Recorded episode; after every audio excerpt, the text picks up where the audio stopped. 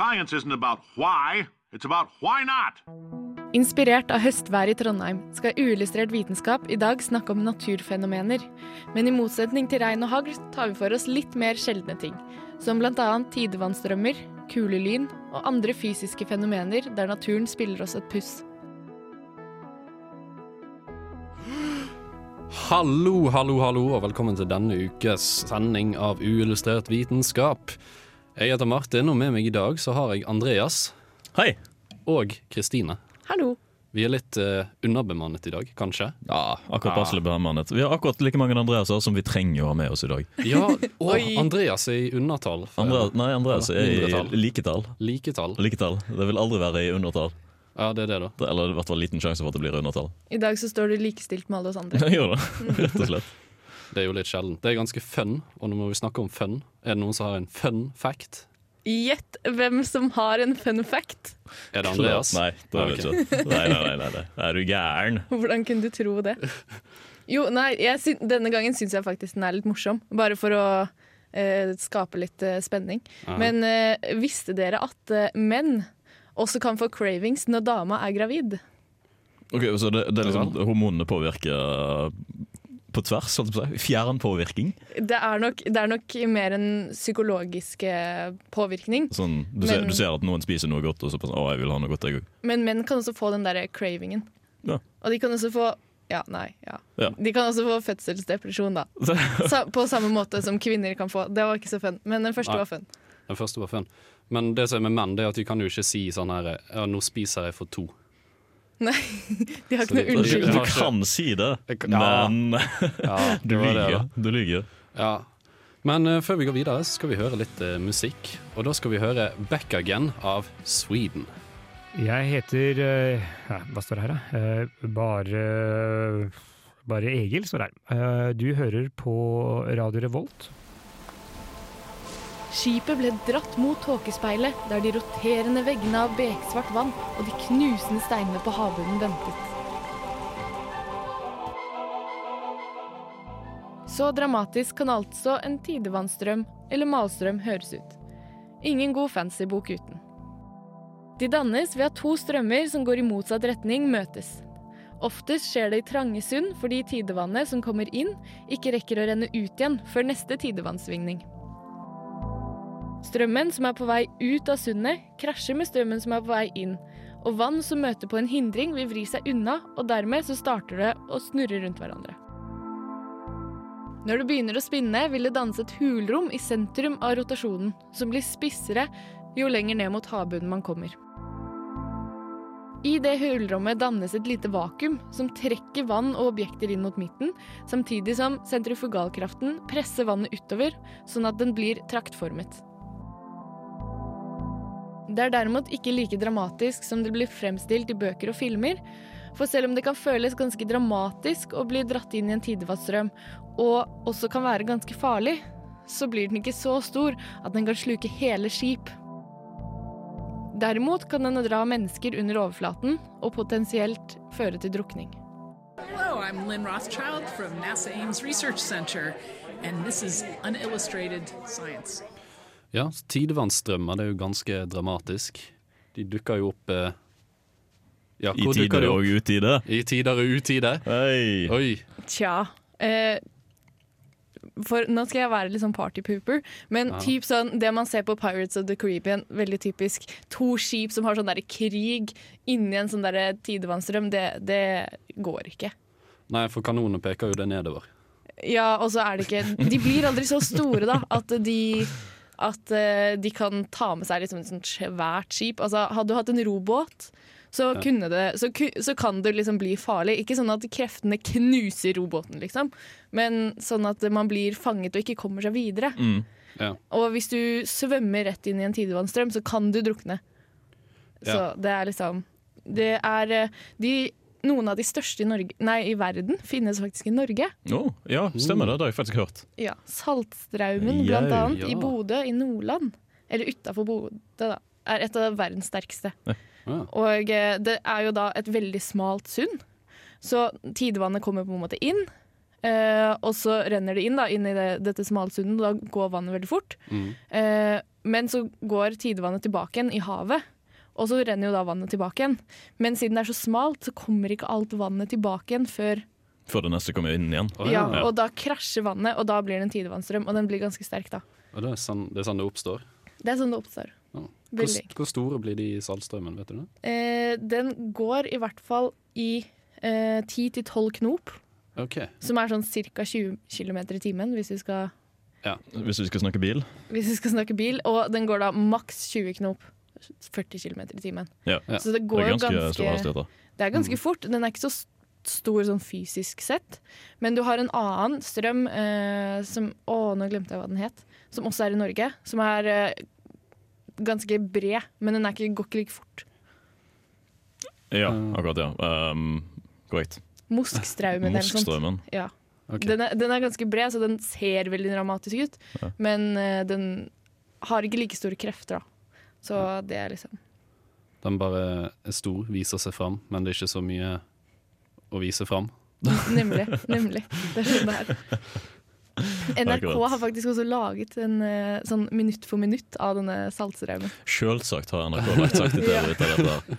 Var det noen jo- som ble stående snurrende rundt og Du satt, satt en person i en robot som uh, måtte Ja. Prosjektiloppkast og i det hele tatt? Nei, det tror jeg ikke. Ja. For, altså, hvis du tenker på det, 20-40 km i timen Det er jo ganske stor hastighet. Det er faktisk raskere enn verdens raskeste mann kan løpe. Og Hvis du havner Ja. uti der og må svømme til land Du kommer deg absolutt ingen vei da. Nei, du drukner. Du Du blir dratt, du blir dratt under vann. Så Ja. det, er jo, det er jo farlig, men det er liksom ikke sånn skipfarlig. Nei, nei, nei. Det er sånn ikke svøm dette stedet. Farlig. Men, men er de der konstant, eller er det kun under flo, når du bytter mellom flue og fjære, kan man si? Altså, Ja, det er, det er bare når du bytter. Eh, så eh, når det er eh, ikke noe bytting i vannstand, så er det stille. Og okay. den vil jo også bytte vei, på en måte. Ja. Okay. Avhengig av hvor Ja. vannet går. Men før vi går videre, så skal jo Spielbergs ta oss med til en distant star her på Radio Revolt. So, this is Richard Wiseman, author of 59 Seconds, and you are listening to Unillustrated Science. Enjoy. Vi her i Uillustrert vitenskap vi er jo glad i ting så du kan si sånn 'visste du at'? Eller hvis du får et spørsmål, sånn som for eksempel 'hva er perlemorskyer', så vet du med en gang hva det er. Ja. Hva er perlemorskyer? Jeg vet det! Ja, Ja. nettopp. Vi det. det, skal, det skal du vite, holdt jeg på å si. Det er jo sånne ting som dukker opp om vinteren ofte. Uh, og folk bare sånn 'oi, shit, se på skyene i dag, ah, de var dritkule'. Eh, Har de mye farger, eller bare ser de spasa ut? Uh, de er sånn litt, De er litt tynne og grå, og så har de sånn regnbuefarger. Oh. Og uh, dette her er fordi at eh, du har eh, luft med masse vann i, som stiger. Eh, de gjerne av noen vinder eller noe greier. Mm. Og så stiger de veldig høyt opp. De stiger opp til um, stratosfæren. Ja. Og eh, den er mye Det er over der hvor vanlige skyer vanligvis ligger. Og når de kommer så høyt opp, så er det veldig kaldt, og da fryser det vannet som er Eller ja. Så det er basically store isskyer, da, egentlig? ja, så det Ja. blir sånn små krystaller. Skyer med liksom små krystaller. Og disse små oh. krystallene de bryter jo lys Ja. eh, som et prisme. Og da får de sånn regnbuefarger i seg, da. Ja. Det er litt det samme som eh, er gjeldende faktisk for eh, halo-fenomenet. Altså da en regnbue som er sirkulær, ikke bare en bue. Uh, gjelder jo for så vidt for vanlige regnbuer òg, der det er ikke nødvendigvis bare vanndråper, men òg ispartikler eh, som reflekterer lyset. Mm. Uh, så det er samme, samme greie der, egentlig. Det er samme greie. Og uh, greia med, også med perlemorskyene er at de har en tendens til å lyse opp på himmelen. Fordi at de er så høyt oppe at sola treffer dem Uh, gjerne ved når sola går enten opp eller ned. Mm, At sola treffer dem på en sånn vinkel, sånn at du treffer egentlig ikke jorda, men du treffer skyene som er liksom over. ja, det går litt opp under skyene. Ja, sånn at det, det er egentlig blitt mørkt. Eller Ja. sånn skumring. Men eh, sola vil fortsatt lyse opp skyene da. Ja. Ganske godt. Selv om den har gått ned under horisonten. Mm. Så derfor ser det veldig fint og flott ut, da. Ja. Mm. Har du flere eh, kule naturfenomener? Jeg har liggende? flere. Sånn apropos soloppgang og solnedgang. Ja. Ved soloppgang eller solnedgang, hvis, det er, hvis du kan se ut mot horisonten og se på at sola går ned eller går opp, så kan du da, akkurat idet sola forsvinner over horisonten, så er det noen ganger at man kan se en sånn liten sånn blits med grønt. Sånn green flash. Oh, det har jeg sett på film! Ja. Det er vel Car Pirates of the Caribbean der òg. Det òg, ja. Ah, Samme, ja. Du lager ikke bra fantasy uten eh, litt uh, Litt- naturfenomener. Nei, sant. Um, Og til å legge litt law på det. ja, det er viktig. Uh, det dannes da ved at uh, det er jo en atmosfæren som bryter lyset. Og eh, eh, lyset med kortere bølgelengde vil brytes i en større, eller skarpere vinkel. Da. Det vil brytes mer enn f.eks. det røde lyset. Sånn at eh, når sola og det røde lyset og alt annet lys forsvinner over horisonten, så ser du bare det grønne igjen, og det blir en sånn derre pow. For det er veldig sterkt. Vel, en rask blitz av det, rett og slett. Ja, det er, Ja. det er det. Og egentlig så er det jo blå, det som brytes sterkest. Men ja. det spres så mye Ja, at det blir eh, re- reflektert eller grønt. at det er det grønne du ser, da. Mm. Fordi eh, det blå Du kan jo også få en sånn blue flash, men det er veldig sjeldent. Det er veldig sjeldent. Ja. Det er veldig, veldig utrolig kult fenomen, akkurat det. da Ja, jeg, har ikke, jeg kan ikke huske å ha sett det før, da. Sjøl, mener jeg. Nei, uh, Sjelden du står og ser direkte utover horisonten. Jeg er kjenner en som har sett det, Ja. faktisk. Ja, Men nå skal vi videre til eh, din del, Andreas. Ja, og Nå skal vi høre litt grann om uh, et veldig, ganske kult fenomen, egentlig. Men du ser det jo veldig sjelden, det òg, da. Uh, Ja, hva er det for noe? Det skal vi Oh. finne ut av. yes. Det er mørkt, og du er på fjellet i nærheten av et vann eller et våtmannsområde. Du er helt alene. Litt redd er du kanskje også, for du har hørt om eventyr om draugen og nøkken. Plutselig ser du en liten flamme som ser ut til å danse over vannoverflaten. Og nå tenker du nå kommer lyktemannen for å hente meg. Men hva er den egentlige forklaringen på dette? Fenomenet er kjent i omtrent alle folkeeventyr rundt omkring i verden. Under navnet Ignis Fatus, Willow the Wisp, Marsh Ghost Light eller Lyktemann på norsk. Så var en skapning man trodde først gikk ut i myra for å lokke med seg villfarne folk til døden. De første vitenskapelige forklaringene som beskrev fenomenet, var at dette var metan som ble antent av et naturlig oppstående elektrisk gnist i myrområder. Senere forklaringer viser at lyktemannslyset er skapt av oksidasjon av fosfin, difosfan og metan produsert av at organisk materie ble dekomponert i myra.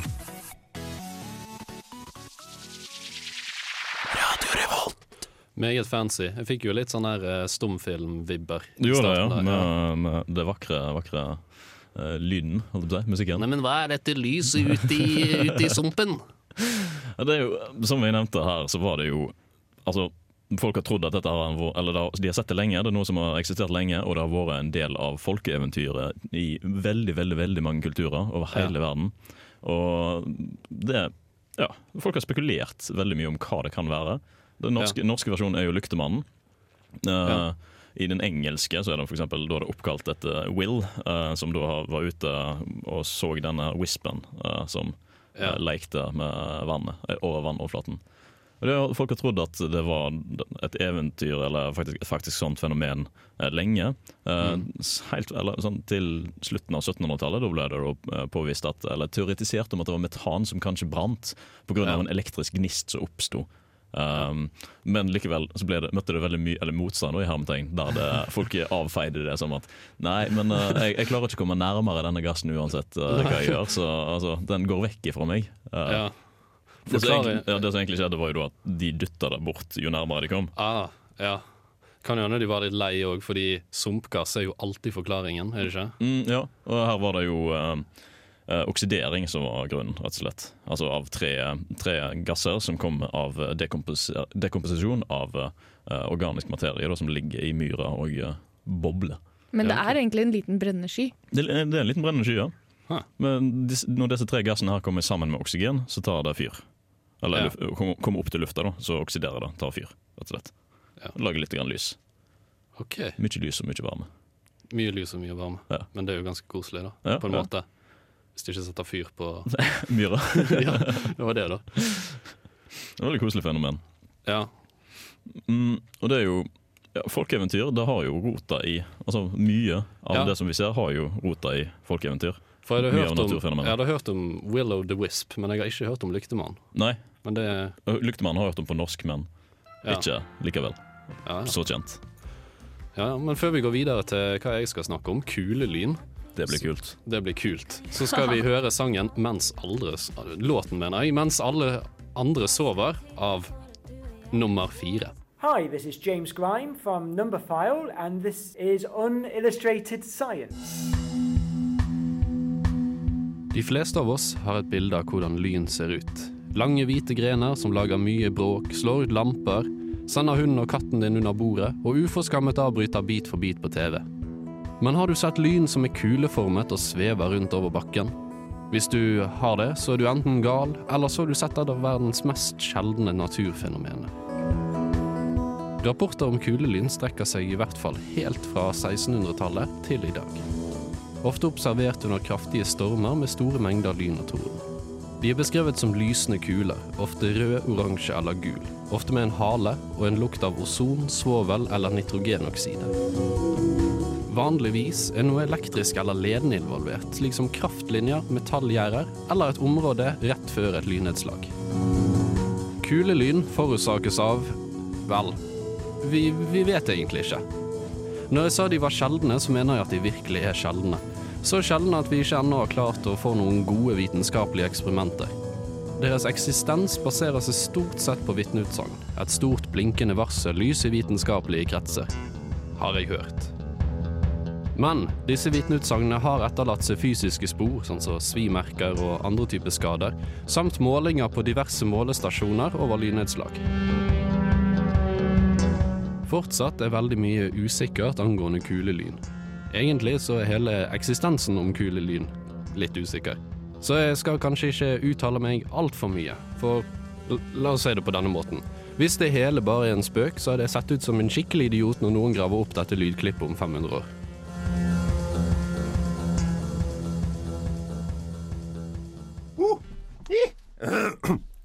Radio Revolt. For jeg snakket jo om de her eh, rapportene. Jeg kan jo gå litt dypere inn på de. Ja, for er det litt sånn Siden det er så sjelden til dette, så er det jo vanskelig å bevise, obviously. Ja, de snakket om sånn én av én million lyn, visstnok. Det- jo Jeg får litt sånn ufo-følelse av det hele. Det er sånn Jeg har ikke sett en ufo, men jeg tror kanskje jeg så et kulelyn. Det er faktisk noen som mener at kulelyn kan være forklaringen på en del sånne UFO-rapporter. Observasjoner. Ja, ok. observasjoner. ja. Ja, At det er det de egentlig har sett. Men siden vi ikke vet nøyaktig hva kulelyn er heller, så Nei. kan Men, men godt det hadde jo en god del felles uh, strekk, da, altså at det var noe elektrisk ledende i Ja. området der det hadde vært observert. Ja, Og det er jo det vi ser på vitneutsagn òg. Ja. Eksempel piloter under andre verdenskrig pleide også lys følge de. Ja. Det var de såkalte Foo Fighters. Så metallflyen uh, leder da den elektriske ladningen i skyene. Ja, Ja. for det har ofte vært forbundet med fly, kan man si. Ja. Det, skjedd, det skjedde også i ubåter under andre verdenskrig. De lurer på om det kan være noe pga. batteripakkene i Ja, så, ubåten. så du fikk en som, kapasitet da, mellom atmosfæren og ubåten når den kom opp? En, altså når det var en feilkobling mellom batteriet og motoren. Ja, Så, så det skjedde inni ubåten? Ja. Ja, akkurat, ja. Det dukket opp et sånt lys inni ubåten, kult. Og det er jo litt farlig. Ja, Det høres litt farlig ut. I 1944, i Uppsala Ja. i Sviden, Sviden. Så uh, var det en som fløy gjennom et vindu. En sånn uh, kulelyn. Ja, vet du hva, Det så jeg på Wikipedia-siden. Ja. for Den, kulelyn. yes, den lagde visst et uh, hull i vinduet på sånn fem uh, centimeter i diameter. Og uh, rett etter så var det vel et lyn som traff, som ble eh, målt ved målestasjonen på Oh. Uppsala universitet. Og den etterlot seg jo ganske fine spor, med et hull i vinduet og litt svimerker rundt omkring. Litt, så, ja. ja. Som et lyn bør og i seg gjør. Ja. I 2014 over England så var det et fly som opplevde å få plutselig et kulelyn i kabinen. Mm. Rett før, lynet ble, rett før flyet ble truffet av et lyn. Kanskje, kanskje det egentlig er bare en sånn Det er en liten wisp som bare sier fra Ja. Hei, nå kommer det et lyn her. Stikk! Stikk av! ja, fly din vei. Men det som, det som er, det er at de har prøvd å gjenskape det her i eksperimenter. Mm. Og jeg leste om et eksperiment der de lagde en elektrolytt, og da klarte de å gjennom og Da klarte de å lage en ball av plasma fra denne her elektrolytten, som varte i sånn et halvt sekund. Ja. Men den minner ikke helt om det samme, fordi den beveger seg ikke på samme måte. Den ser ikke helt lik ut, visstnok. Så de vet jo ikke om de har skapt samme fenomenet, fordi vi vet jo ikke hva fenomenet Nei, sånn, er. det, det kan jo hende det er plasma, denne ballen, uh, som går ut òg. at det er ionisert luft, rett og slett. Ja. Uh, men eh, vanskelig å si da, når du ikke har noe som måler det. på en måte. Ja, fordi det er en annen teori, at det er snakk om silisium i luften Ja, som fordamper og oksiderer, akkurat. og dermed skaper en lysende kule. Men er, er det dokumentert med noen bilder eller noe film, Kulelyn? Eller er det kun illustrert? Det har blitt tatt bilde av og filmet, men vi lever jo i en digital tidsalder, så folk kan Ja, ha sant. Noen kan tullet ha med bildet, kan man si. Windows Movie Maker og tullet litt med bildet. Ja, og så kan det jo være noe annet. Så kanskje du ikke er nødvendigvis gal om du har sett noe lignende. Du kan jo ha sett et helt annet fenomen. Ja. Eh, vi bare vet ikke nøyaktig hva et kulelyn er. Det er noen som faktisk sier at det er feil å kalle det kulelyn, fordi det er ikke et lyn. så vi, vi er på teknikaliteter når det gjelder kulelyn. Veldig godt poeng, egentlig. Det er Kjempegodt poeng. Ja, Så kanskje vi burde kalt noe annet. Kule Kule? Ja, En kul kule? Ja. Jeg ville jo først oversette det til ballelyn før jeg, før, før jeg fant ut at det var Før jeg kom på Kanskje, at det var kanskje det kan hete kulelyn. kulelyn på Ja, norsk? det hadde vært litt vanskelig å stå og snakke om ballelyn, men det er noe så. Med en seriøs tone? Ja Jeg klarer så vidt å Jeg klarer så vidt å se på det som en hypotese en gang uten å le. Ja, sant. Ellers så leste jeg eh, en del forklaringer, men det var godt utenfor mitt kompetansenivå. Ja, akkurat, ja. Eh, Det var ikke bare sånn utterly bullshit, det var faktisk noe som kunne vært plausibelt. Det har ikke jeg peiling på, rett og slett, Nei, fordi jeg, jeg skjønte ikke forklaringene. Jeg, jeg er ikke så jeg har ikke ikke så den, into kulelyn. Eh, Nei, jeg har liksom ikke den kompetansen i fysikk til å liksom snakke om Ja, eh, ja, sånne ting. mikrobølgeeffekt på luft eh, og Ja. alt mulig. Mikrosvarte hull og sånne ting. Ja. ja, men det burde jo universitetsfysikken dekke. Ja, sant. Mikrosvarte hull. Mm. Eh, fysikk 1, det. Fysikken Ja, ja, ja. på videregående. ja nettopp. nettopp. Men vi skal jo eh, etter hvert oppdatere oss litt på videre vitenskap. Ja, med. Forskningsnytt. Ja, det begynner å bli en stund siden. Men før det så skal vi høre låten 'Running Away' av Wolfpack.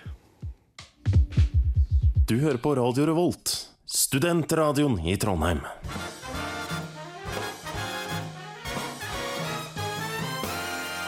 Klokken 20.00 i California, eller klokken fem i dag morges norsk tid, presenterte Elon Musk og Tesla sin semitrailermodell.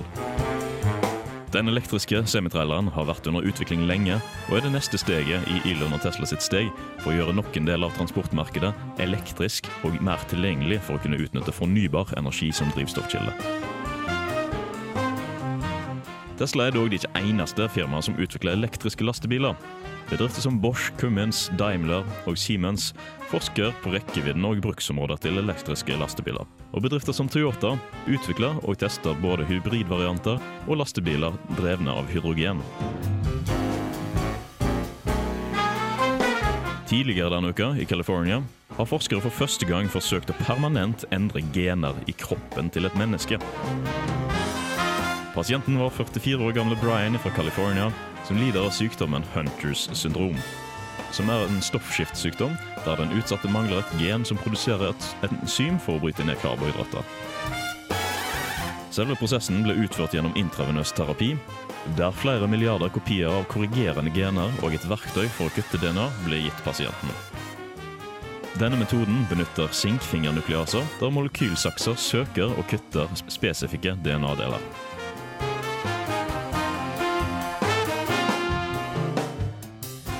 Det er observert en ny måne rundt jorda. Eller ja, ny måne. Det er vel kanskje et sjenerøst begrep for et så lite objekt som det. NASA observerte i fjor et objekt som går i bane rundt sola samtidig som den sirkulerer rundt jorda, og har bekreftet at dette objektet kommer til å følge med jorda i mange år fremover. NASA beskriver objektet 2016 H03, som er mellom 40 og 100 meter stor, som en asteroide. H03 tilbringer vi også mesteparten av tida si nærmere sola enn jorda, altså noe som gjør at den ikke kan regnes som en fullstendig naturlig satellitt, altså en måne, men mer som en kvasisatellitt for jorda.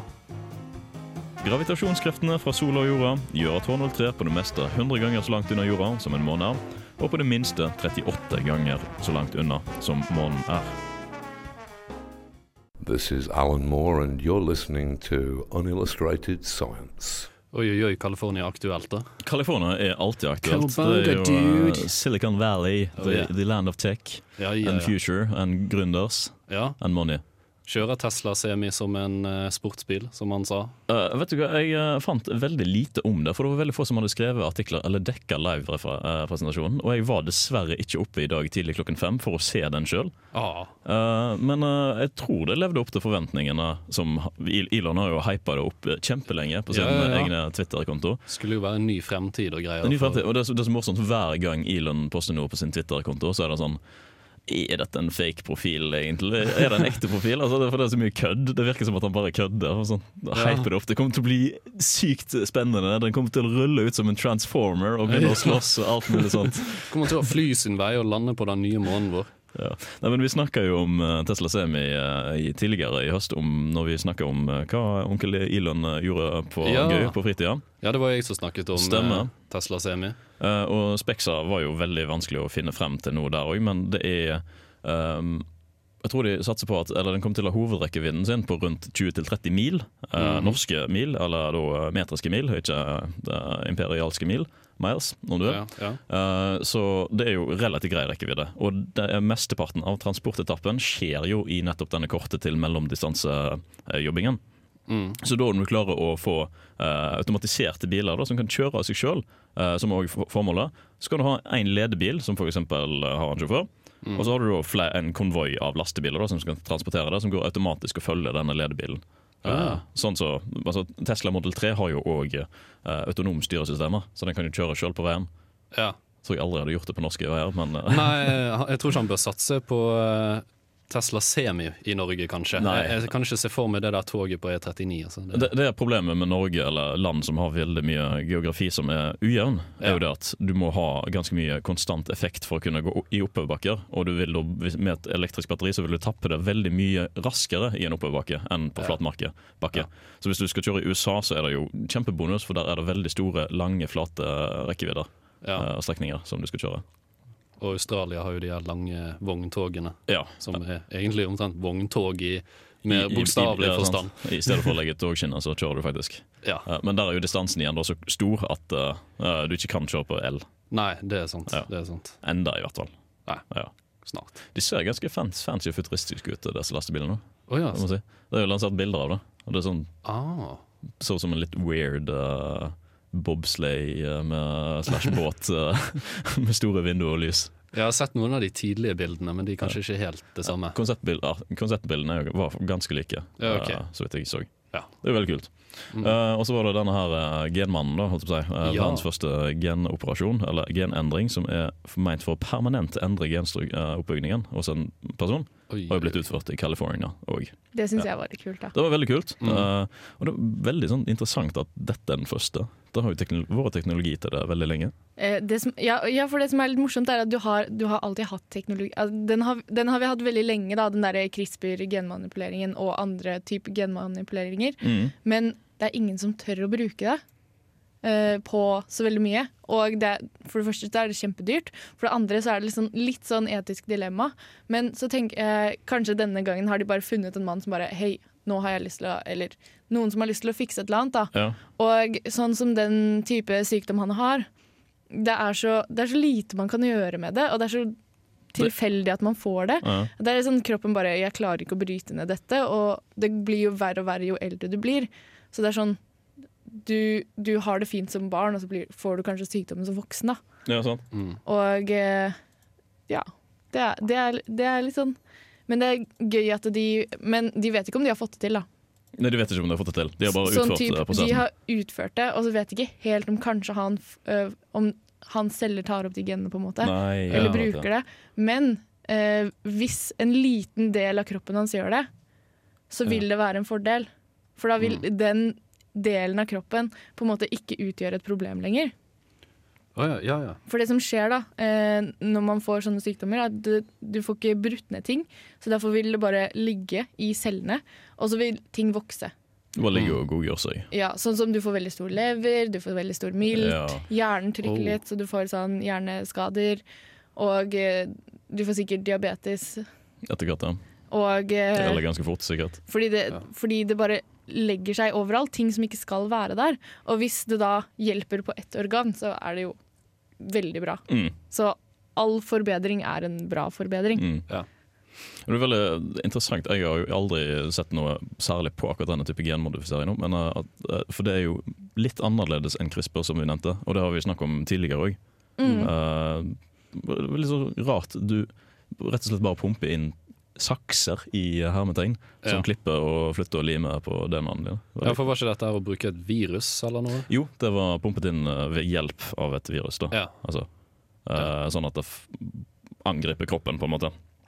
Eller DNA-cellene. Ja, for det er litt morsomt, fordi eh, virus Det er trolig at virus har eh, påvirket menneskegenene i mange, mange, mange, mange, mange år. Så lenge det har fantes virus og mennesker sammen, så, har, eh, så kan virus bare komme inn i DNA-et vårt og så bare være der og kopiere seg selv. Og eh, sånn sett så er det veldig nyttig at vi kan ta oss bruk denne Mm, at det ikke bare er for faenskap at uh, virusen er. Du kan faktisk bruke det til noe Du kan faktisk fikse ting, Ja. men du kan jo gjøre like mye gærent, da. Så det er jo det man er redd for. Ja, sant. Eh, du vet jo ikke hvor disse Altså hvor i DNA-et dette vil legge seg.